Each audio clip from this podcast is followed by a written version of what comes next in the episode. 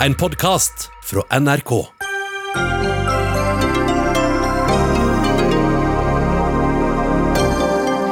Danskene innfører koronapass for reisende til utlandet. En idé som kan redde reiselivet, håper virker. Helt idiotisk, sier epidemiekspert. LO advarer mot alle dem som nå mener at hjemmekontor er framtida. Altfor lettvint, sier Fagforbundet. Nei, nei, fremtidsretta og familievennlig, sier barne- og familieministeren. Mer enn halvparten av de som ønsker å bygge i strandsonen, får ja. Jurist mener kommunene viser at de ikke kan ta seg av disse sakene, mens regjeringen de mener kommunene bør få bestemme enda mer. Og eh, hvor lenge kan Oslo-byrådet tillate at det er fullt fyr i utelivet til langt utpå natta? Bare flaks om dette går bra, mener KrF, som vil ha folk hjem nattestid.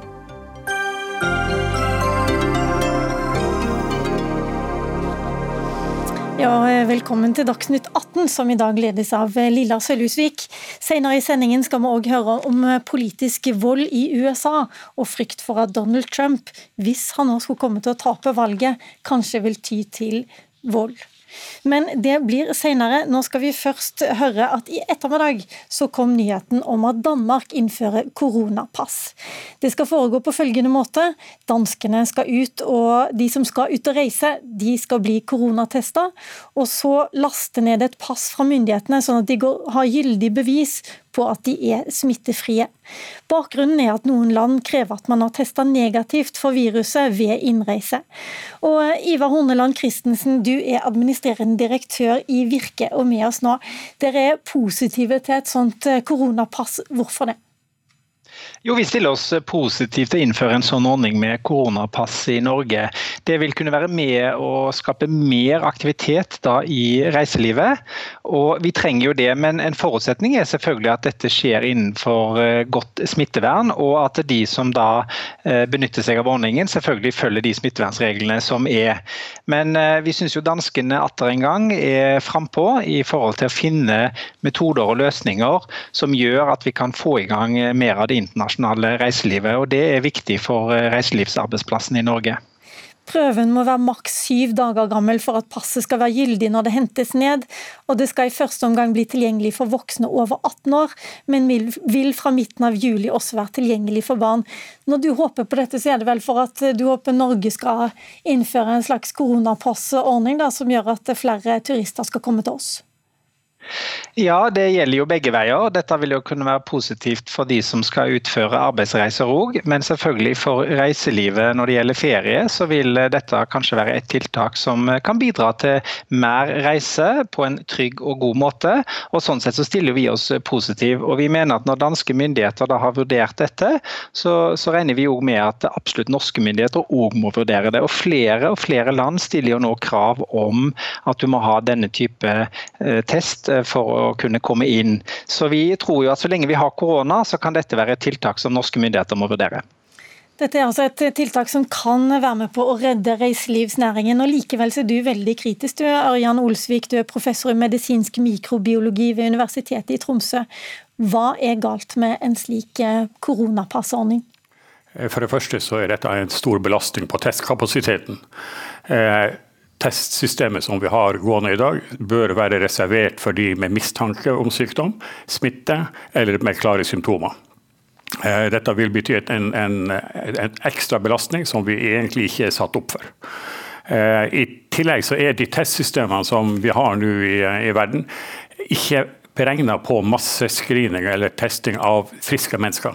Det er faktisk slik at eh, når man tester, Hvis man skal finne én positiv i Norge, så må man teste 12 000 mennesker. Da får man én ekte positiv og 14 falske positive. Dette kommer fra Folkehelseinstituttet. Og I Danmark så har eh, Anders Beck ved Dansselskap, han leder for Dansselskap for allmennmedisin og medlem av ekspertutvalget for Sunnhetsstyrelsen, han sier at problemet med falske positive er så stort at testing av friske burde frarådes. Men altså, da det høres ut som om det ikke er noe vits i for, oss, for noen av oss å teste så mye, da? Nei, testing av friske mennesker er ikke det som testsystemet er satt opp til. Og i Danmark selv har eh, testa på testsenteret sitt 128 592 tester, og den fikk 458 positive og 128 falske positive. Vi kommer til å få veldig mye falske positive når vi begynner å teste friske mennesker. Og Hvorfor gjør danskene dette likevel? Det er flere land også som vurderer det samme. Ja, Vi har store problemer med å skjønne egentlig hvorfor dette er noe særlig fornuftig. For det første, så Hvor lenge skal dette passet være gyldig? Eh, ei uke? Du kan bli smitta i mellomtida på dette. Det kan resultere i krav om, om, pass, og dermed faktisk hindre turisme istedenfor å, å øke på dette. Og eh, Det bør stilles spørsmål om hvor lett det kan forfalskes. Dette har jeg diskutert med, med, en del med norske myndigheter i dag, og man var ikke spesielt positiv til den sikkerheten rundt det som eh, er, laga her. Jeg må innrømme at vi har eh, kontakta både Helsedepartementet her hjemme og eh, Folkehelseinstituttet. Og fordi dette er så nytt, så har de ikke hatt eh, verken ønske om eller anledning til å stille i studio hos oss i dag. Men Ivar Horneland Christensen, på fredag så kommer nye reiseråd fra den norske regjeringen. og Du hadde kanskje håpet på en slags koronapassordning der også, men det faller jo ganske hardt til marken det du hører nå fra, fra Olsvik i Tromsø? Ja, Fra vår side så er det jo det er altså 170 000 arbeidsplasser over hele landet i reiselivet. og det er klart De blir først rammet, og antageligvis de som kommer sist ut av krisen. Men for å få denne krisen da på avstand fra denne næringen, så er man nødt til å få i gang at vi både er turister i eget land, men at vi òg får i gang det internasjonale reiselivet på en trygg og god måte. Og Sånn sett så stiller vi oss positivt til alle ting som kan sørge for at vi får til trygg reising. Og Vi vurderer jo bare at når danskene da forhåpentligvis har gjort en god og fornuftig vurdering på dette og legger dette frem, så syns vi jo det absolutt er et eh, tiltak som òg norske myndigheter bør vurdere. Og Så får de faglige miljøene finne ut av dette. Men det er jo et poeng at vi i mange andre sammenhenger har blitt testa. Altså vi har testing av kritisk personell osv. Så, videre. så det har jo vært testing over, eh, over ganske lang tid nå i denne, i denne koronakrisen. Så Sånn sett så syns jo vi at hvis dette dette er tiltak som også kan føre til mer bevegelse over landegrensene på en trygg måte, så stiller vi oss positivt til det, og syns jo norske myndigheter da bør vurdere det. Olsvik, ser du ingen håp for reiselivsnæringen? Du har forkasta denne ordningen nå ganske ettertrykkelig hos oss. Men kunne man gjort som f.eks. på Island, som, som tester alle som kom, eller tester de for, for feber i hvert fall idet de kommer? For det er vel når de har smitten i seg at det er, at det er fare for videre smitte også? Eh, det er jo et problem med denne eh, epidemien at 60 eh, er nesten asymptomatiske. De, de, har ikke symptomer som gjør at man naturlig tester dem. Testing for feber, ja. Jeg har blitt testa veldig ofte på flyplasser når jeg har vært ute og jobba i andre land, spesielt Afrika. Men jeg tror i, det, i dette tilfellet her så skal vi ikke gjøre det som vi gjorde under hiv-debatten på 80-tallet, hvor USA bl.a. forlangte eh, at man skulle ha hiv-negativitetspapirene med seg. Disse ble forfalska i masse store mengder, og alle slike dokumenter på dette er frafalt. Derimot er jeg stor tilhenger av vaksinedokumenter, for vaksiner varer hele tida og kan lett dokumenteres. Ok, Vi får avslutte der, og så får vi heller komme tilbake til det når vi vet litt mer om hva den norske regjeringen og ikke minst Helsedepartementet ønsker å gå for. Takk til Ørjan Olsvik, professor i medisinsk mikrobiologi, Universitetet i Tromsø. Takk også til Ivar Hornland Christensen i Virke.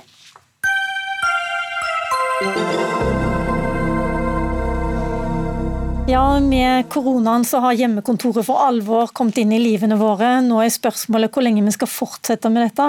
Som vi har hørt i Dagsnytt 18 tidligere, så gir Telenor heretter full fleksibilitet for ansatte som vil jobbe hjemmefra også etter koronaepidemien. Kommunalministeren sier flere etater bør vurdere det samme, og barne- og familieministeren jubler over økt fleksibilitet for småbarnsforeldre. Men det gjør ikke du, Mette Nord, du er leder i LOs største forbund, Fagforbundet. En lettvint løsning, sier du. Hvorfor det? Jo, fordi eh, vi har ennå ikke sett konsekvensene av den enorme bruken av hjemmekontor som denne eh, pandemien har skapt. Vi snudde oss rundt, men det vi ser nå og får rapporter fra våre medlemmer, er jo at det er slitasjeskader, det er vonde rygger, det er eh, ingen krav til HMS på hjemmekontoret. Mange sitter ved ganske uegna kjøkkenbord eller hjemmesnekra løsninger. Og det er en del forutsetninger for å kunne ha et hjemmekontor mer permanent, som, som vi mener punkt én ikke er utreda godt nok, forska godt nok på. Og så er det en annen faktor som en ikke skal se bort ifra, og som vi tror er, kan faktisk fore, bidra til at man svekker kunnskap og kompetanse. Det er jo møtet mellom mennesker på jobb. Det at du utveksler erfaringer, det at du bringer inn nye ideer, det at du hele tiden har et pulserende eh, og aktivt arbeidsmiljø, det bidrar også til å dele kunnskap, men også utvikle virksomhetens kompetanse.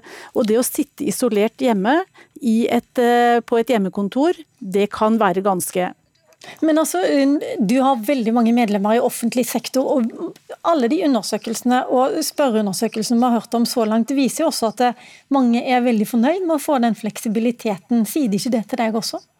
Noe fleksibilitet kan være fint. Du kan sitte og jobbe med konkrete prosjekter hvor du trenger å ha fred og ro. Men det å eh, tenke at dette skal være den nye normen, det er noe helt annet enn at vi har en mulighet til å ha en hjemmedag, eller at du kan ta med deg jobb hjem hvis du har syke barn, eller den type ting. Men det å basere seg nå på mer hjemmekontor, eh, det tror vi er for lettvint. Det er ikke utreda godt nok, og det kan skape ganske mange følgekonsekvenser som er negative.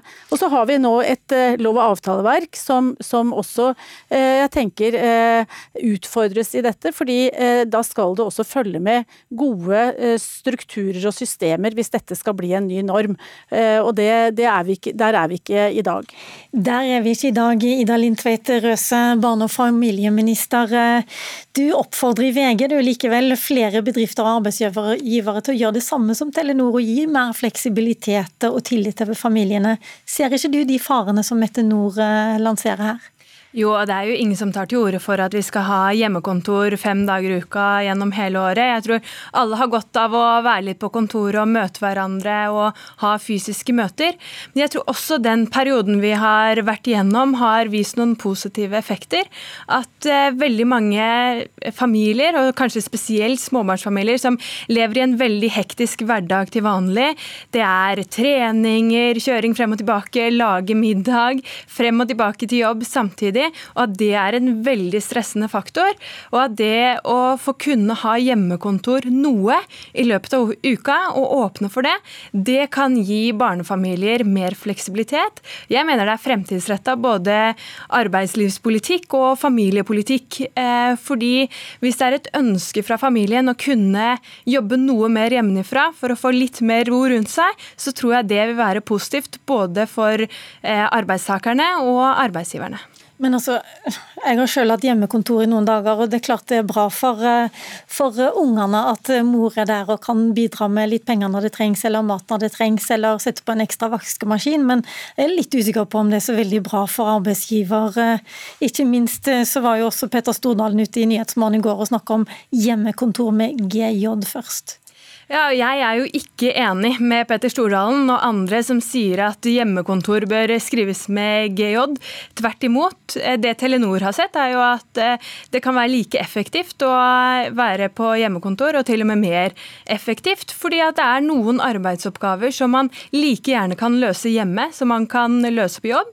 Og det å gi eh, familiene noe mer fleksibilitet da, kunne løse noen arbeidsoppgaver hjemme, kunne dra på jobb, delta i møter, eller de dagene det er mest hektisk på hjemmebane, kunne være hjemme, det tror jeg er veldig positivt. Det er jo ganske mange om, også, Et lite øyeblikk bare, bare Mette Nord, vi hører jo ofte fra fagforeningene, særlig eh, kvinne, eh, eh, kvinnebevegelsen, at kortere arbeidsdager er en god idé. og Man korter jo i hvert fall inn arbeidstids, altså den tida det tar å komme seg til jobb da, ved å ha hjemmekontor. Ser du ikke verdien av det? Jo, det korter, hjem, eh, korter ned den. Men samtidig, det å alltid da være på jobb, det å øh, bli kontakta, det å ikke kunne konsentrere seg om arbeid når du er på jobb, og hjemmetilværelsen når du er hjemme Hvis du skal hele tiden ha flytende soner i dette, så vil du sannsynligvis også øh, bli, forventa av deg at du nesten sagt svarer og står til disposisjon for arbeidsgiver mye, mye større deler av dagen enn det du ville gjøre hvis du har en mer øh, avgrensa tid hvor du har jobb. Og så er det et annet element som også jeg tenker er viktig å se på, det er dette med ledelse. Det å ha tilstedeværelse hos, av leder som kan observere arbeidsmiljøet, som kan gå inn og være veiledende, støttende, og også observere om det er medarbeidere som er på vei til å skli ut. Eh, er det medarbeidere som har et på, påbegynnende alkohol-rusproblem som man bør ta eh, tak i? Det å ha tillitsvalgte som eh, ivaretar de psykososiale og de, de Eh, elementene de skal gjøre, vernetjenesten. Det er veldig mange av disse tingene som høres veldig sånn forlokkende og romantisk ut, fordi man kan jo da velge å gjøre disse tingene, og så kan man jobbe litt her og jobbe litt der. Men når hverdagen tar det, så vil dette kanskje også bidra til mye større kaos, eh, og det er en eh, Det blir en, en si, Valgfriheten som det starter med, er jeg ikke helt sikker på om eh, vil vare i det uendelige, fordi det blir helt flytende grenser mellom hva som er hva. Jeg skal ta med oss også eh, Arne Gjerland, du er forsker ved Høgskolen i Vestland, og du har vært med å lage en undersøkelse med over 800 ansatte i stat og næringsliv som har vært på hjemmekontor. Dere hadde en undersøkelse i månedsskiftet mars-april. og Hva sa folk eh, om hvordan de trivdes på hjemmekontor da? Jevnt over så finner vi at uh, hjemmekontor er ikke magisk, verken sånn eller sånn. Det er ganske likt sånn som det er på det vanlige kontoret. Men så er det en liten tendens til en positiv effekt ved å sitte på hjemmekontor. Positiv effekt på produktivitet og trivsel. At en trives litt mer, føler seg litt mer produktiv. Stor effekt, men det ser ikke ut som det er skadelig. Eh, rundt 50% mente i den undersøkelsen deres mente vel også at de mista tempo og, og, ble litt sånn eh, deppa, så vidt jeg forsto. Eh, har du noe peiling på hvordan, eh, hvordan andelen er etter hvert? Én ting var for så vidt i mars-april, det var med overgangen mai-juni, når dette hadde vart en stund. Det var i mars-april vi sendte ut den undersøkelsen, så mai-juni vet vi ikke noe om. Men vi jobber nå med å sende ut undersøkelsen på nytt. En ny og forbedra versjon. Så da håper vi å finne ut hvordan hjemmekontoret fungerer akkurat nå òg. Og det er særlig interessant med tanke på at hjemmeskole nå er over for de fleste. Så det vil antageligvis påvirke hva vi finner. Eh, er det noen grunn til å tro at arbeidsgivere som til nå har spart, åpne, spart, penger på å åpne landskap og færre sånne cellekontor, kan spare enda mer på å gi folk hjemmekontor istedenfor? Det er vanskelig for meg å svare på som en enkel forsker. Nei, jeg bare vet at du har jobba litt med hjemmekontor også. Mm. Det ser ikke ut som det er noe store problem med å innføre hjemmekontor. Det som er utfordringen, det er det her med kollegafellesskapet, som ble nevnt her tidligere. Og Det var det tydeligste funnet i undersøkelsen. Langt tydeligere enn noen som helst effekt på produktivitet og trivsel. Så så vi at folk savner kollegaene sine. Så Hvis en jobber masse på hjemmekontor, så er det lurt å vurdere om en skal sette inn noen tiltak for det vil like. Eh, takk skal du ha, Arne Gjerland. La meg spørre Mette Nord om dette. Er det dette du er redd for? At arbeidsgivere skal egentlig spekulere litt i at eh, det er en billigere løsning å ha folk eh, hjemme på, framfor å ha dyre kontorløsninger? Ja, Vi har i hvert fall sett hvilke konsekvenser åpne kontorlandskap har når den type hendelser som vi nå er inne i, har i forhold til at man faktisk ikke kan ivareta smittevernhensynene fordi folk sitter for tett uten skjerm rundt seg. Eh, men det, det, jeg tenker også er viktig, det er jo nå å følge opp eh, det forskerne nå eh, jobber med, for å se langtidseffekter av hvordan det er å jobbe på hjemmekontor. For vi kommer jo Sannsynligvis, selv om vi har begynt å åpne samfunnet mer, så vil det være eh, også her eh, sannsynlig at flere kommer til å jobbe på hjemmekontor lenger, fordi vi ikke har et kollektivtransportsystem som vil kunne ta belastningene. Eh, og at de, de smittevernhensynene de kommer vi måtte til å leve med en ganske lang tid. Så det å forske mer på hvordan dette faktisk eh, fungerer knytta til nettopp dette med eh, å ha arbeidsplassen som samlingsarena kunnskapsarena, og det å ha denne kollektive basen for ansatte som også bidrar til eh, det sosiale samværet og ikke minst kompetansedeling. Det kan være at man i, hadde en boost i starten, eh, fordi dette var noe vi alle sammen skulle gjøre. Dette var viktige, viktig viktige tiltak for å prøve å dempe smitte og, og iverksette tiltakene. Okay. Men så kommer det altså en hverdag etter dette som jeg tror vi må se mer på, fordi dette er ikke problemfritt. Dette er ikke problemfritt, Røse? Ja, det jeg er opptatt av når vi kommer tilbake til normalen, det er jo at vi tar med oss eh, de gode effektene som vi har hatt. Og Hjemmekontor mener jeg er en del av det. Det å kunne gi familier mer fleksibilitet og mer tillit, og at de får gjort jobben sin på en god måte, det eh, tror jeg er viktig også fremover. Tusen takk til deg, Ida Lindtvedt Røse, som er fungerende barne- og familieminister. Takk også til Mette Nord, som er leder i Fagforbundet, og altså til Kjellaug i Gjerland, som var med oss fra Høgskolen Vestland.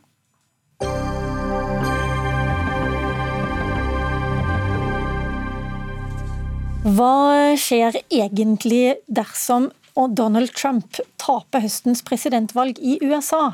Ifølge britiske The Daily Telegraph spår mange republikanere, etterretningsvesenet og militære politisk vold etter valget.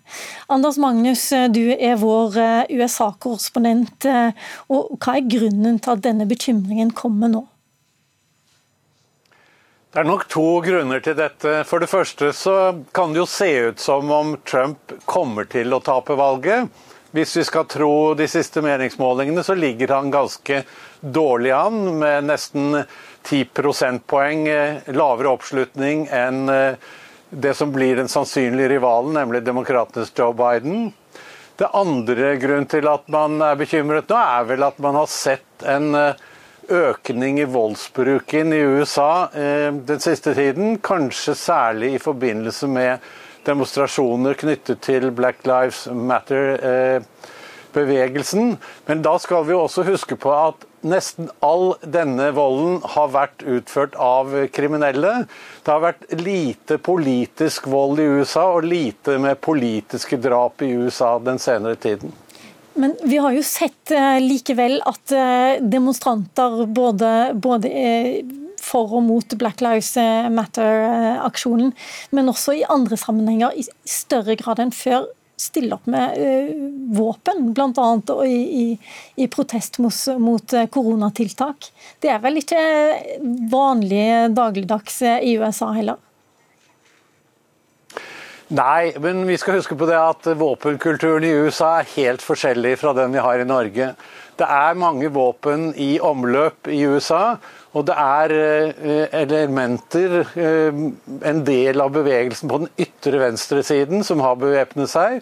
Og det er også eh, bevegelser på den ytre høyresiden som har vært væpnet lenge, faktisk.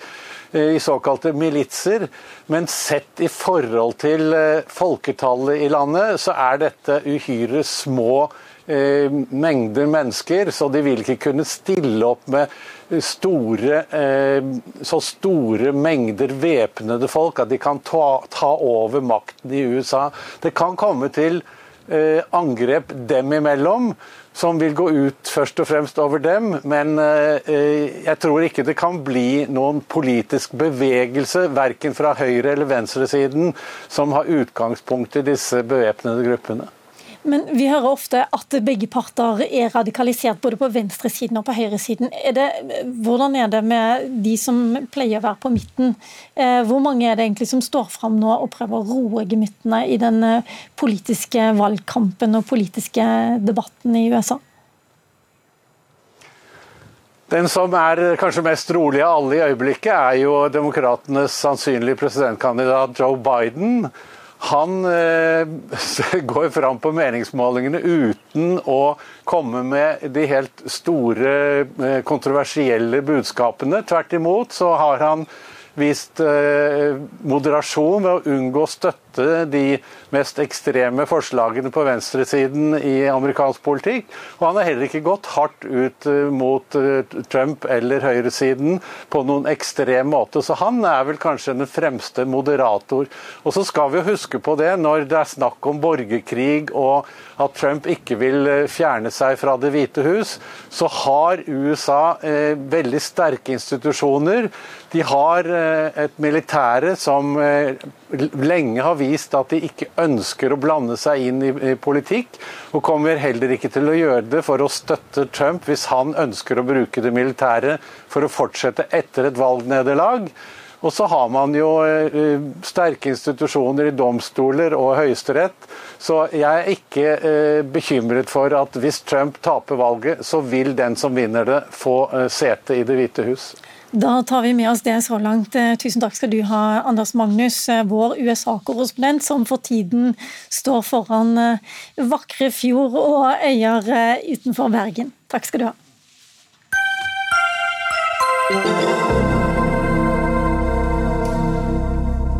I eh, ettermiddag kom en trist nyhet, nemlig at den tidligere alpinisten Finn Christian Jagge er død 54 år gammel etter kort tids eh, sykdom. Kjetil André Aamodt, eh, velkommen. Du er alpinekspert i NRK og tidligere landslagskamerat med Finken, som jo de fleste kalte han. Hvordan vil du beskrive ham som lagkamerat? Ja, Finken var en, han var et limet i laget, syns jeg. Han, han, eh, under hver eneste middag vi hadde, så had, var humoren satt der. Han var alltid den, den riktige kommentaren på, på, rett plass.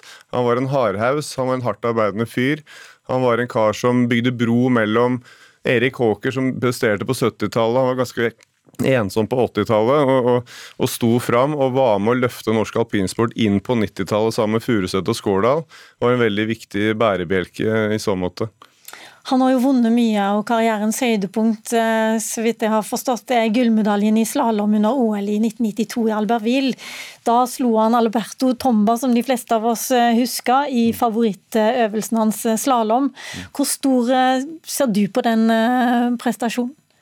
Ja, Det er nesten den største enkeltprestasjonen som er gjort tror jeg, i norsk alpinsport. Det å vinne det OL-gullet den gangen i 92. Det var første OL-gull i slalåm på 40 år for Norge.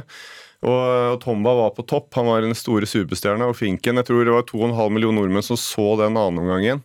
Og I tillegg så kjørte han på Yamaha-ski, som var noe av det dårligste skia som jeg husker. i hvert fall. Så, så det var en vanvittig prestasjon. Ik og ikke hadde han korsbånd heller. Mm. Så Finken var en ordentlig fighter, og, og jeg tror derfor han ble elska og ble en legende. Fordi han hadde en del nedturer. Han, han, han skada seg et par ganger, kom alltid tilbake og vant til worldcuprenn over en periode på, på ti år.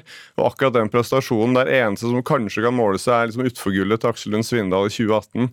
Men jeg, jeg holder en knapp på det OL-gullet i slalåm til Finken som den største enkeltprestasjonen av en norsk alpinist noensinne. Hva kommer du sjøl til å huske han eh, best for? Jeg husker han for uh, at han var en utrolig god kollega. Han var en hardt arbeidende idrettsmann. En kar som alltid hadde en, en god kommentar. eh, nesten hele tiden, om det var i heisen eller om det var uh, rundt middagsbordet. Og var, var et, et, bra lim på det norske landslaget som holdt gruppa samla. Så du holdt kontakt med han etterpå også? Ja da. Vi, alle, alle, vi gamle gutta vi samles en gang i året og, og prater om de gamle, samme gamle historiene.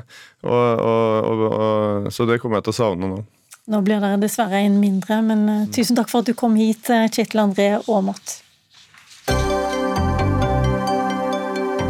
Hør Dagsnytt 18 når du vil. Radio NRK Radio.nrk.no. Vi skal foreta et eh, stort eh, skifte, for eh, i to uker har skjenkestedene i Oslo hatt mulighet til å servere alkohol inn i de små nattetimer. Fra 22.6 ble skjenketida utvida fra klokka 23.30 til 3 om natta. Mange ville ut på byen, og ifølge DNBs tall på kortbruk steg omsetningen i utelivsbransjen øyeblikkelig og spontant med 46% Men eh, nå sier dere, Espen Andreas Hasle, gruppeleder i Oslo KrF, at eh, nå må det være nok, og at byrådet må stramme til igjen. Hvorfor det? Ja, vi er jo bekymra for de bildene vi ser fra Oslo sentrum. Og jeg eh, må jo si at vi er midt i en pandemi. Oslo er i kriseberedskap fremdeles. da er det helt uforståelig for meg at uh, det er viktig med skjenking fra midnatt til tre om natta. Uh, den, siste, den siste perioden der, det veit vi hva det handler om. Det handler jo ikke om å glede seg over alkohol i rolige former.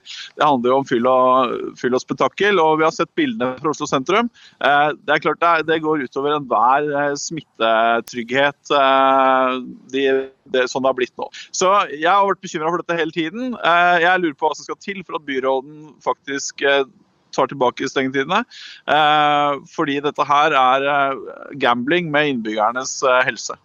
Og etter at den første store festen var over, så gikk faktisk byrådsleder Raymond Johansen ut og sa at hvis ikke folk skjerper seg nå, så eh, kommer vi til å stenge. Men eh, hvorfor har dere ikke gjort det?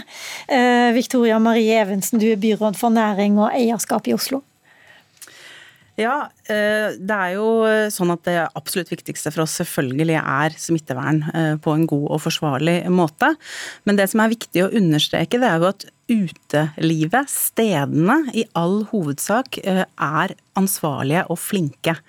Det er det våre kontroller viser. Eh, og det er av 1300 med skjenkebevilgning, så er det altså foretatt syv stenginger.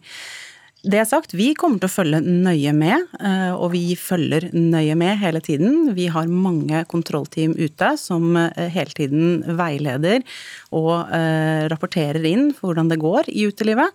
Men hovedbildet er at utestedene håndterer dette ganske bra, og jeg mener da at det er mer rettferdig og riktig overfor bransjen å faktisk stenge de som ikke klarer det, enn å påføre en kollektiv straff for en hel bransje. Da må jeg spørre deg, Hasle, Har du vært sjøl ute på byen eh, nattestid og sjekka, eller er det de eh, mediebildene fra den verste fyllehelga du baserer deg på? Du, jeg, har nøyd meg med NRKs dekning. Men og det skal du selvfølgelig stole på? ja, ja, ja, absolutt. Og pro problemet med det Evensen sier, er at ut, jeg, jeg, tror også at de fleste utestedene er ansvarlige og prøver å gjøre en bra uh, figur. Men når vi får fortellinger i vårt Oslo i dag om uh, folk som går på bordet og håndhilser og mangler smittevern, så ja, de stedene har blitt stengt, men det er antagelig bare toppen av isfjellet. I tillegg så har vi alt det som skjer ute i gatene. Og når, Problemet her er jo ikke at de ansvarlige stedene er oppe, problemet er det signalet med å ha full åpningstid. Så tar folk det hintet, og så tenker de ja, nå er det ikke så farlig, og så ser vi bildene hvor det stimler folk ut i gatene, istedenfor at vi faktisk kunne ha en eh, holde igjen litt til i verste sommertiden, sånn at ikke vi får en risiko for økt smitte i Oslo. Antagelig bare toppen av isfjellet, sier Hasle her. Eh, har du studert lengre lenger ned på det isfjellet, mm, Victoria Marie Evensen? Ja, altså jeg følger nøye med og leser de rapportene vi får fra våre kontrollteam eh, i næringsetaten. Og det eh, er jo sånn at hovedbildet er at de aller fleste stedene er flinke. Men det er klart at avstandsreglene er utfordrende.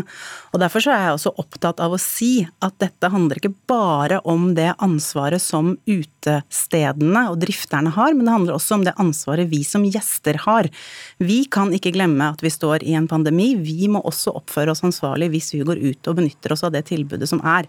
Så kommer vi selvfølgelig du, bare, Forstår du at for resten av landet, for de som sitter nå i eh, Troms og Finnmark eller i eh, Sogn og Fjordane, ikke har hatt et smittetilfelle på ukevis, så blir de fleste tiltakene helt meningsløse så lenge de ser folk i Oslo som fester, kysser på gata, henger rundt hverandre, er fulle til langt på natt?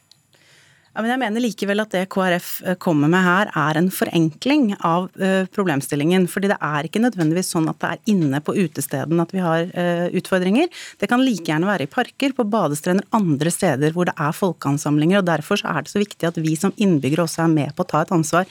Det sagt, så tror jeg vi i byrådet med all tydelighet har demonstrert at vi er villige til å gå ganske hardt til verks dersom det er nødvendig. Vi har hatt alkoholstopp i Oslo i seks uker. Vi har hatt innskrenkninger begrensninger på skjenketid, og dersom det er nødvendig, så kommer vi selvfølgelig til å uh, ta i verk uh, kraftige tiltak igjen.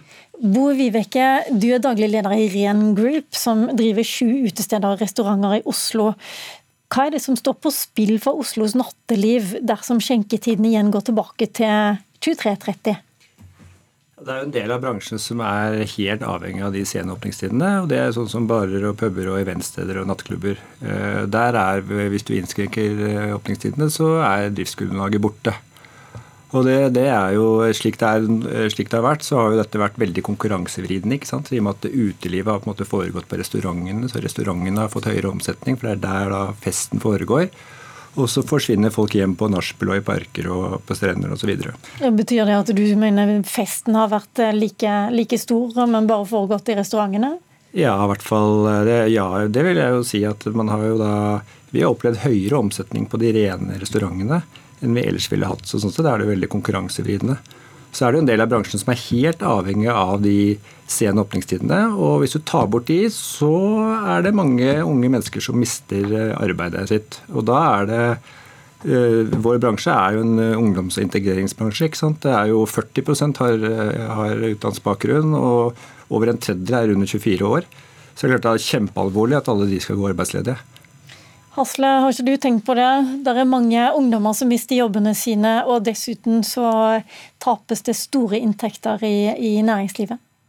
Jeg har selvfølgelig forståelse for det, og ønsker jo absolutt å, ikke å ramme en bransje hardere enn nødvendig. Men problemet i de stedene her er at for det første så vet vi at dette er høyrisikosteder for smitte. Det var, når smitten først kom til Norge, så var det eh, nesten ene og alene pga. ett utested i Østerrike. sånn at det skal utrolig lite til når mange er sammen og man i tillegg har fått litt innabords, at det sprer seg bra. I tillegg så er det jo veldig mange andre ting i samfunnet som fremdeles er nedstengt. sånn at når fotballklubben fotballklubbene f.eks. taper millioner fordi de bare kan ha 200 på tribunen, så tenker jeg det er mange andre ting jeg heller ville eh, åpna enn steder som kun handler om eh, alkohol og fyll eh, etter, etter midnatt. Vibeke? Altså, det er jo ikke øh, De sene åpningstidene det er jo ikke full fest og nattklubb øh, slik han beskriver det. Altså, Man sitter ned ved et bord og får servering, og det er strenge restriksjoner. Det så virkelig ikke helt sånn ut på de rapportene vi fikk i media ja, Det var jo da syv enkeltsteder av 1300 steder i Oslo. Og det var jo utenfor, var det ikke det? Det var jo uten, utenfor også, men avviser du at det, ikke er noen utfordringer her med å ha folk gående? Nei, jeg, jeg mener at det er bedre å ha folk uh, på, i kontrollerte omgivelser. Altså På en restaurant hvor du har vakter og folk som sørger for at du overholder avstandsreglene, det er antibac, du følger med på at det ikke er kø til toalettene, folk får ikke lov å gå i barna. så det drives ikke bare nattklubber slik de vanligvis drives i, drev før koronatiden. Så, så, det er en helt annen type drift. Mm. Hasle, der er vel også hva er det for noe, åtte-ni mennesker i Norge eh, som er på sykehus med korona akkurat nå. Hvis ikke det skal være mulig nå, når skal det være mulig å ha åpne skjenketider i, i Oslo? Jo, men vi vet jo samtidig at det skal bare én person med smitte til eh, i et fullt lokale, så, så eh, kan det spre seg fort. Vi, for, så for meg handler dette her om eh, hensyn til de svakeste, de som ikke kan beskytte seg. Eh, og vi vet at vi er midt i en pandemi fremdeles. Det er ikke faren over. Og da burde skjenketiden i Oslo tatt eh, hensyn til det. Evensen? Altså jeg lurer jo på hvor Hasle var eh, når regjeringen åpnet for at alle utesteder kunne ha åpent fra 1.6, for det er eh, KrFs egen regjering som har åpnet for det. Før det var det kun steder med eh, matservering som kunne holde åpent. Og i Oslo har vi hatt strengere tiltak enn resten av landet. Nå er smittespredningen relativt eh, lav, og vi har god kontroll på utestedene. Vi har utarbeidet en egen veileder, vi har egen forskrift, vi har plakater som alle stedene må henge opp. Vi har også eh, ordninger som gjør at man må levere inn en eh, risikovurdering for smittevern. Og det er faktisk også sånn at andre kommuner har kontaktet Oslo for å få eh, tak i vårt materiell, fordi det er solid, og det viser jo at vi tar dette virkelig på alvor. Og vi er også, som sagt, beredt til å sette inn eh, nye tiltak dersom det skulle være nødvendig. Vi skal avrunde der. Jeg bare lurer til slutt, Hasle, har du tenkt å ta opp dette med din egen regjering? Ja, men jeg vil jo samtidig si at dette er selvfølgelig kommunenes ansvar. At regjeringen åpner, det må være greit, men da må kommunen nettopp ta det ansvaret som dessverre byrådet ikke har gjort. Ok, vi må sette strek der. Tusen takk til Espen Andreas Hasle fra KrF, til eh, næringsbyråd Victoria Marie Evensen og til Bo Vivike, som representerer utelivsbransjen i denne sammenhengen.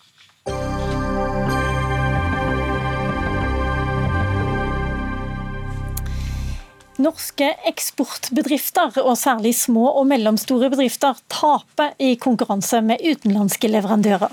I fjor utgjorde totalt eh, norsk eksport 37% av BNP, mens land som vi liker å sammenligne oss med, som Sverige, Danmark og Tyskland, ligger litt under og litt over 50% Det går ikke framover med oss heller, tvert imot. Vi er det OECD-landet som har tapt mest i volum på eksport de siste årene.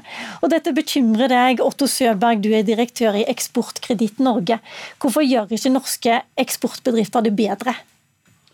Jeg tror det er mange årsaker til, til, det. Vi er en veldig solid nasjon når det gjelder råvarebasert industri. Vi har bygget opp eh, energibasert, vi har bygget opp eh, energikraftkrevende industri, fiske og etter hvert olje og gass. Når det kommer til å, eh, å, å, få fram gode, nye, bærekraftige næringer, så er vi ikke så veldig gode. Vi er gode på innovasjon, vi er gode på å finne løsninger og teknologier, men vi er tilnærmet elendige på å få frem kommersialisering digitalisering, og etter hvert da mulighet for å skalere og internasjonalisere ut i eksportmarkedene.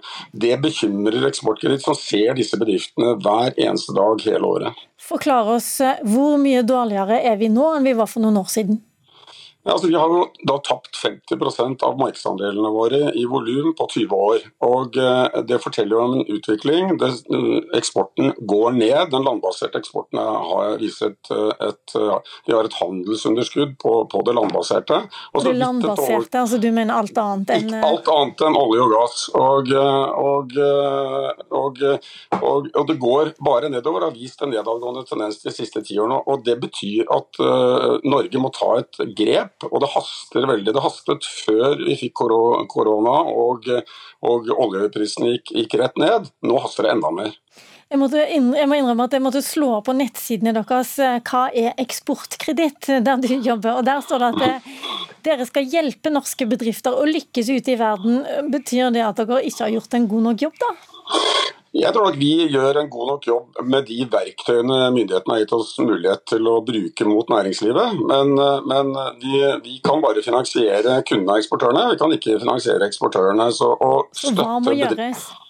Nei, Det er mye som gjøres, og det er ingen enkle løsninger. Det begynner jo med at eh, regjeringen må begynne å sette klare visjoner, strategier, målbare, målbare aktiviteter og planer. Og så må vi få fram næringslivet i mye større grad, etter vår mening. Du må få fram flere verktøy i verktøykassen til de forskjellige, og så må vi se på strukturen til hele virkemiddelapparatet. Innovasjon Norge, Eksportkreditt, GIEK, eh, Forskningsrådet, eh, Enova osv. var under vurdering i hele 2019. Så kom dessverre covid-19 og gjorde at eh, næringsministeren må vente med de tiltakene som ligger naturlig i kjølvannet av det. Men vi forventer nå at eksporthandlingsplanen som kommer til høsten vil gi føringer som vil gjøre det lettere for, for næringslivet å eksportere. Harald Magnus Andreassen, du er sjeføkonom i Sparebank1 Markets. Du mener at dette er en unødvendig bekymring, og det høres litt rart ut, all den tid eh, vi hører her at eh, eksporten har gått tilbake med 50 Det er bra at eh, vi fokuserer på hvordan norsk økonomi fungerer, og om vi kan utforme politikk og tiltak bedre. Når det gjelder vurderingen av norsk økonomis balanse, så har jeg noen kommentarer i fremstillingen. Eh, den viktigste grunnen til at eh, Norge har hatt en dårligere eksportutvikling enn andre land de siste 20 eh, årene, det er jo at oljeproduksjonen vår faller. Og dermed så blir det mindre eksport fra Norge. Men det betyr ikke at Norge har tapt på samme måte i konkurransen på andre områder. Og Det er også helt riktig at Norge da har et betydelig underskudd i handel med utlandet når vi holder olje utenom. Eh, nå dekker veldig mye av det underskuddet dekkes opp av at vi har et stort oljefond som vi forhåpentligvis, og jeg tror ikke også riktig, har, gir oss permanente inntekter. Eh, vi opererer med et underskudd og det er også nevnt her i artikkelen, på handelsbalansen for Fastlands-Norge på 12% av BNP. Eh, av det så dekker overføringen for oljefondet, og det er en permanent inntekt, ikke avhengig av fremtidige oljeinntekter, dekker ca. 9% av det. Åh, nå er det litt så, vanskelig å følge med på alle tallene, det må jeg bare innrømme. Men eh, det er vel oljeavhengigheten vi snakker om her, som er dette, hvor stort problemet er dette? Vi baserer for mye på, på olje og gass. Nei, vi skal sluttføre argumentet. Ja. Vi har ikke brukt oljeinntekter. Vi har satt oljeinntektene inn på et fond, det kalles oljefondet. Det er nå på 10 000 milliarder kroner. Det gir oss permanente inntekter til å dekke underskuddet på handelsbalansen for Fastlands-Norge, det er noen andre poster også. Men av de 12% som vi eksporterer for lite da, som man, kanskje noen kunne tro, så dekkes 9% av overføringer permanente fra oljefondet, handlingsregelen vår. Men så i tillegg, det mest avgjørende, som ikke er med regnestykket, det er jo at vi har et næringsliv som fordi vi har hatt en oljesektor rett ved stuedøra vår, har hatt bruk for varer og tjenester i et stort omfang, så har norske bedrifter da klart å utnytte den muligheten. Og vi selger nå, vi kan godt kalle oljesektoren for utlandet, så selger vi til oljesektoren ca. 7% av BNP. Og det, betyr... det, er det, og det betyr at vi har ikke et underskudd for Fastlands-Norge på den måten det ofte fremstilles. Det betinger selvfølgelig at den dagen vi ikke bruker olje, mm. eller vi ikke, oljesektoren ikke skal kjøpe mer fra Fastlands-Norge, og det vil skje en dag at oljeinvesteringene skal gå ned, ja, må så, så må selvsagt disse bedriftene omstilles, og det er de i full gang med allerede. Og jeg er ikke spesielt bekymra for dem heller. Søberg, det høres ut som om du ikke trenger å sove dårlig om natta? Jeg sover dårlig om natten. Jeg syns det er altfor passivt å si at vi skal bruke fremtidens eh, penger på, på dagens aktiviteter. Jeg syns vi burde gå sterkt inn. Vi har en veldig smal næringsstruktur i Norge. Vi har fire store næringer. Sammenligner vi oss med svensker og dansker, svenskene har 15 kanskje, som er bærekraftige, har egne økosystemer hvor de har service og, og, og store bedrifter som kan, kan, dra med seg de mindre i, i verdikjeder. Vi har, er veldig sårbare på olje og gass, og vi er også veldig sårbare nå i verdikjedene inn mot uh, skipsbygging og inn mot oljeservicenæringen. Og Hvis de to, både olje forsvinner og oljeservicenæringen får varige skader, så har vi rett og slett mye mindre å leve av fram mot 2040. Det vi har regnet på, det er at du må øke eksporten fra 2,3% til 3,3 for å klare å ha leve, en levestandard i 2040 som er bra. Og det er 800 milliarder kroner mer i eksport i 2040 sammenlignet med i dag, hvor vi har 800. Altså vi må doble den. Og de pengene kommer bare ikke gratis inn døren. Da må, da, må vi jobbe med struktur og, og, og, og bygge, bygge, nye næringer basert på det vi har allerede i dag. Men jeg lurer jo litt på den timingen nå. Kommer du med dette og disse tallene og denne bekymringen fordi olje og gass nå har fått ganske mye penger i forbindelse med det store koronaoppgjøret, og du bare egentlig sier varsku her til regjeringen, pass på andre næringer også? Absolutt ikke. Det vi definerer som eksportgapet, disse 800 milliardene, har vi snakket om i tre år. Og, og Vi kommer med en rapport eh, i samarbeid med Menon nå ut i august som forteller litt om hvor, hvordan vi arbeider i eksportmarkedet målt mot våre nærmeste naboer. Og Det ser ikke veldig bra ut. Og Det er naboer som får det til i eksportmarkedet. Vi sliter med å få det til. Eh, men vi har alle mulige eh, grunner til å klare dette hvis vi gjør ting på en riktig måte. Og det riktigste måten du etterlyser da? Nei, Det er eh, mye sterkere engasjement og klare retningslinjer fra regjeringen. Vi bør etablere et næringsråd hvor, hvor næringslivets eh, hovedaktører tar et ansvar for den utviklingen. Og Så må vi se på virkemiddelapparatet som må tilpasses det markedet vi har i dag. Og så må vi komme med virkemidler som, eh, som eh, bedriftene trenger. Vi er ikke helt der i dag. Det vet jeg at Iselin Nybø, næringsministeren vår, arbeider med og vil ta opp i eksporthandlingsplanen. Og Eksporthandlingsplanen den kommer antageligvis i august. og Vi har allerede invitert Iselin Nybø til å komme her eh, og være med oss eh, for å snakke om virkemidlene hun skal komme med der. Tusen takk eh, for at dere var med, Otto Søberg og Harald Magnus Andreassen. Hør Dagsnytt 18 når du vil. Radio NRK.no. Vi skal til en eh, gjenganger på slutten av eh, Dagsnytt 18 i dag. Du trodde kanskje at den årlige debatten om bygging i strandsonen førte til at færre fikk bygge sine hytter og annekser og naust i sjøkanten, men den gang ei. Tall fra SSB viser nå at mer enn halvparten av dem som søker kommunen om dispensasjon, får medhold i kommunen. I sørlandsidyllen Mandal ble 96% av alle dispensasjonssøknader innvilga. Og dette betyr at kommunene ikke er i stand til å håndheve loven, mener du Fredrik Holt ved NMBU. Hva mener du må gjøres da? Ja, når du sier kommunene ikke er i stand til å håndheve loven, så påpeker jeg i hvert fall at eh, lovgivers intensjon med lovgivningen ikke eh, ivaretas. I, eh, i, kommunenes praksis. Utgangspunktet er jo at vi har et byggeforbud i 100-metersbeltet langs sjø. Eh, dette ble strammet inn i eh, den nye plan- og bygningsloven vi fikk i 2008. og I tillegg så ble også dispensasjonsbestemmelsen, altså kommunenes adgang til å gi dispensasjon, strammet inn i samme lov. Og Hvis man da ser på antallet dispensasjoner og omfanget av dette, som bl.a. denne undersøkelsen fra Sivilombudsmannen viser, eh, så er det grunnlag for å si at man ikke håndterer eller håndhever lovgivningen på korrekt måte. Eh, la oss gå til den eh, undersøkelsen eller den, den, oversikten med en gang. For i Lindesnes kommune, som tidligere het Mandal, ble det gitt dispensasjon i 96 av søknadene om å bygge i strandsonen. Det kom altså fram eh, gjennom den gjennomgangen som var fra 2016 til 2019. Der er du ordfører, Even Tronstad Sagebakken fra Arbeiderpartiet. Har det vært for få hytter i strandkanten, syns du, i Mandal, eller hva?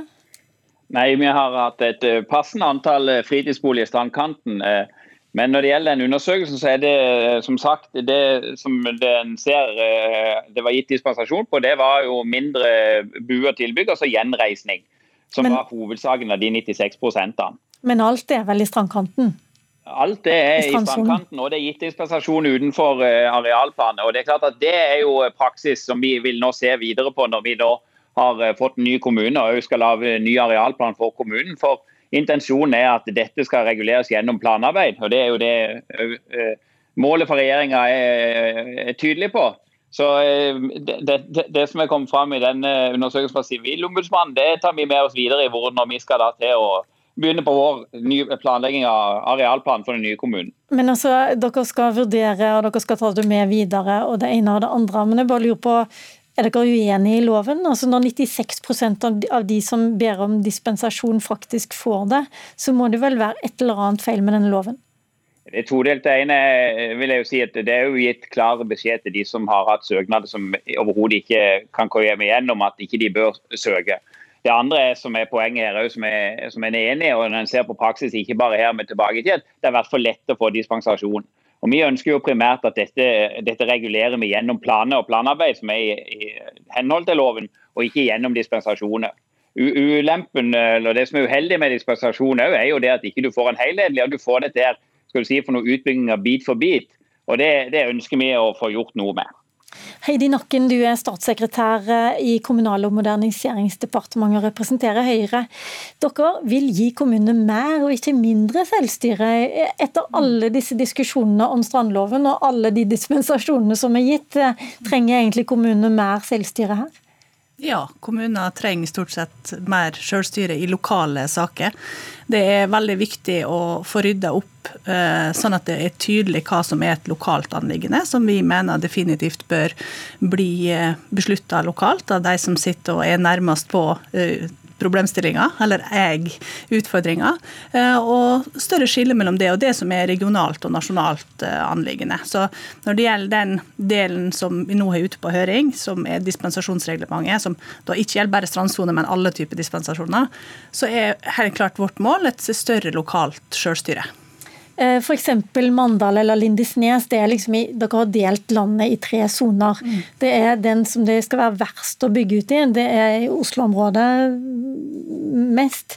Og så er det sone to, der det, man skal være forsiktig. Det er, er, på Sørlandet mye, og deler av Vestlandet også. Og så har du sone tre, som er mer i distriktene. Mm. Eh, Lindesnes er jo i sone to, der man skal være forsiktig. Mm. Eh, er dette intensjonen også for Høyre og regjeringen, eller er er det mer sånn at det, det er ikke så farlig om man bygger mer i stranda?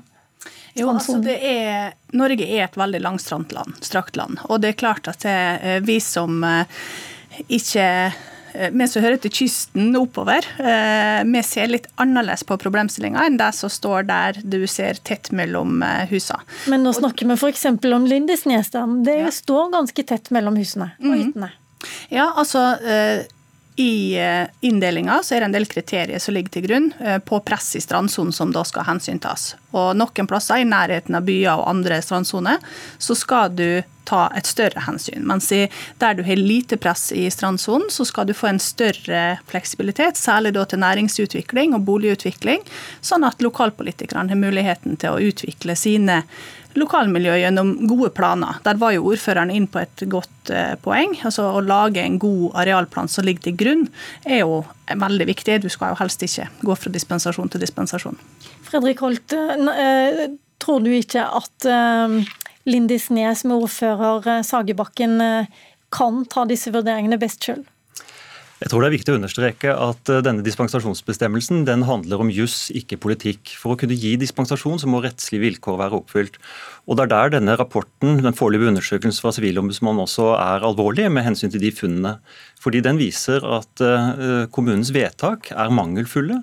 Eh, de enten eh, de har manglende begrunnelse eller mangelfull begrunnelse, eller eh, i stor grad også ikke er oversendt til f.eks. Fylkesmannen for uttale før man gir dispensasjon. Men mangelfulle, hvor alvorlig er det egentlig? Er det noen ekstra skjema som mangler, eller er det store mangler i en begrunnelse f.eks.?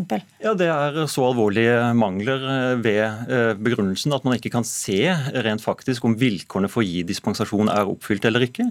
Og i og med at mange av disse disse dispensasjonsvedtakene ikke ender opp eh, som, eh, altså i, hos fylkesmannen og, og, kontrolleres av fylkesmannen, så vil man da i sum ha en eh, rekke ulovlige, ugyldige tillatelser som er gitt. Eh, og det får altså ingen konsekvenser, som jeg også har påpekt i et par kronikker. Ingen konsekvenser verken for kommunen eller de som bygger, at tillatelsen i utgangspunktet er ulovlig eller ugyldig.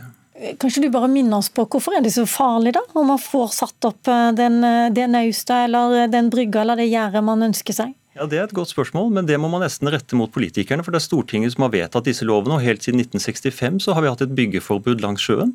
Eh, og Det var også da politisk enighet når man fikk ny eh, plan- og bygningslov i 2008 om at man skulle innskjerpe byggeforbudsbestemmelsen og også innskjerpe kommunenes adgang til å gi dispensasjon. Og Det er et politisk spørsmål, ikke et rettslig spørsmål. Det jeg påpeker, det er eh, det rettslige aspektet ved dette. Altså at det er mangelfulle begrunnelser og mangelfulle vedtak, og at man ikke følger saksbehandlingsreglene. Og Det er i seg selv alvorlig jeg blir litt forvirra når jeg leste denne eh, begrunnelsen fra regjeringen på, når dere la ut dette forslaget til høring, eh, Nakken. Så står det både at ja, man skal ta vare på strandsonen, dette er kjempeviktig, samtidig som man gir økt frihet til kommunene. Og da vet du jo etter mange år hva som skjer. Så eh, hvor legger dere dere egentlig? Altså det er to forskjellige ting som er ute på høring, da, for å holde det litt fra hverandre. For det, det, ene er jo da reglementet i strandsonen som gjelder det eksplisitt. Og det er der vi er veldig opptatt av den soneinndelinga. At landet vårt er så differensiert, og det er så ulikt. Mange plasser kan du stå i en strandsone og ikke se en nabo på flere kilometer. Og det har du sagt, men nå hører du her at uh, Fredrik Holt uh, drar opp uh, disse alvorlige funnene som Sivilombudsmannen har fått, fått med disse manglene, annet. Blir ikke du bekymra? På dispensasjonsreglementet så er det jo sånn at eh, vi nå ønsker å gi større lokal frihet. og Det innebærer jo òg at Fylkesmannen vil ha mindre muligheter til å klage dersom eh, dette her er et lokalt anliggende. Men, Men betyr dette at strandsonen blir bedre ivaretatt av kommunene enn av regjeringen som du representerer, da? Ja, altså Kommunene er best til å beslutte hva som er i sin strandsone. Det er det som vi legger, i å styrke lokaldemokratiet. Eh, så skal jo Fylkesmannen påse at regler blir fulgt. Det er jo Fylkesmannens rolle i alle, i alle, saker. Eh, så det at det skjer så mye ulovligheter på det, det er ikke noe vi kan legge til grunn for at vi skal innskjerpe muligheten til dispensasjon. Eh, fordi at det å gi muligheter til dispensasjon er ikke ulovlig. Hva sier du, Sagebakken. Hvem mener du er best skikka til å bestemme? Nei, jeg, jeg frykter jo det, eller er betenkelig på det at kommunene skal få et enda større eh, forvalteransvar her. For Jeg tror det er et poeng det som blir sagt her, at eh, ta vår kommune som har vært blå styrt i lang lang tid, og hvor det har vært dispensasjon har vært veldig mye lettere å gi. Og Det har egentlig vært en ønske, at, eh, en ønske å gi dispensasjon der folk har søkt, for en har tenkt eller ment rent ideologisk at det er det riktige å gjøre. Og hvis du tenker Det store målet med denne loven er jo å ivareta allmennhetens interesse og friluft og natur og miljø. Og det er klart at, eh, og Du er egentlig inne på kjernen på det. for det er jo adgang til å gi dispensasjon, som da også setter presedens og føringer for videreutbygging. Da, da er jeg litt redd for at når kommunene da får enda større ansvar her, så vil det bli enda mer utbygging i strandsona. Og det er egentlig inne i kjernen da, det er jo muligheten til å gi dispensasjon her. og det er klart at den må være der noen steder, men, men, i vår kommune så mener jeg at den er blitt praktisert altfor liberalt. Og at det har da fått konsekvenser videre når nye saker skal komme opp. Vi har jo sågar hatt saker som hadde vært argumentert med at det gitt andre dispensasjon i lignende saker. Og da, da, har du litt gående at du får den litt bit for bit-utbygginga i, eh, i strandsona, og det er uheldig. Og i hvert fall, ja. Nettopp. Jeg tror vi må rett og slett avslutte der, fordi at eh, Dagsnytt 18 går mot slutten. Eh, takk til Even Tronstad Sagebakken, som er ordfører i nye Lindesnes kommune. Takk til Fredrik Holt, eh, og til Heidi Nakken, som var med her i studio. Dagsnytt 18 er ferdig for i dag. Ansvarlig har eh, Skal vi se, må jeg få opp alt her. Ansvarlig Arnhild Myklebust.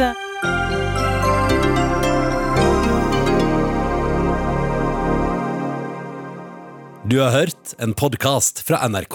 Hør flere podkaster og din favorittkanal i appen NRK Radio.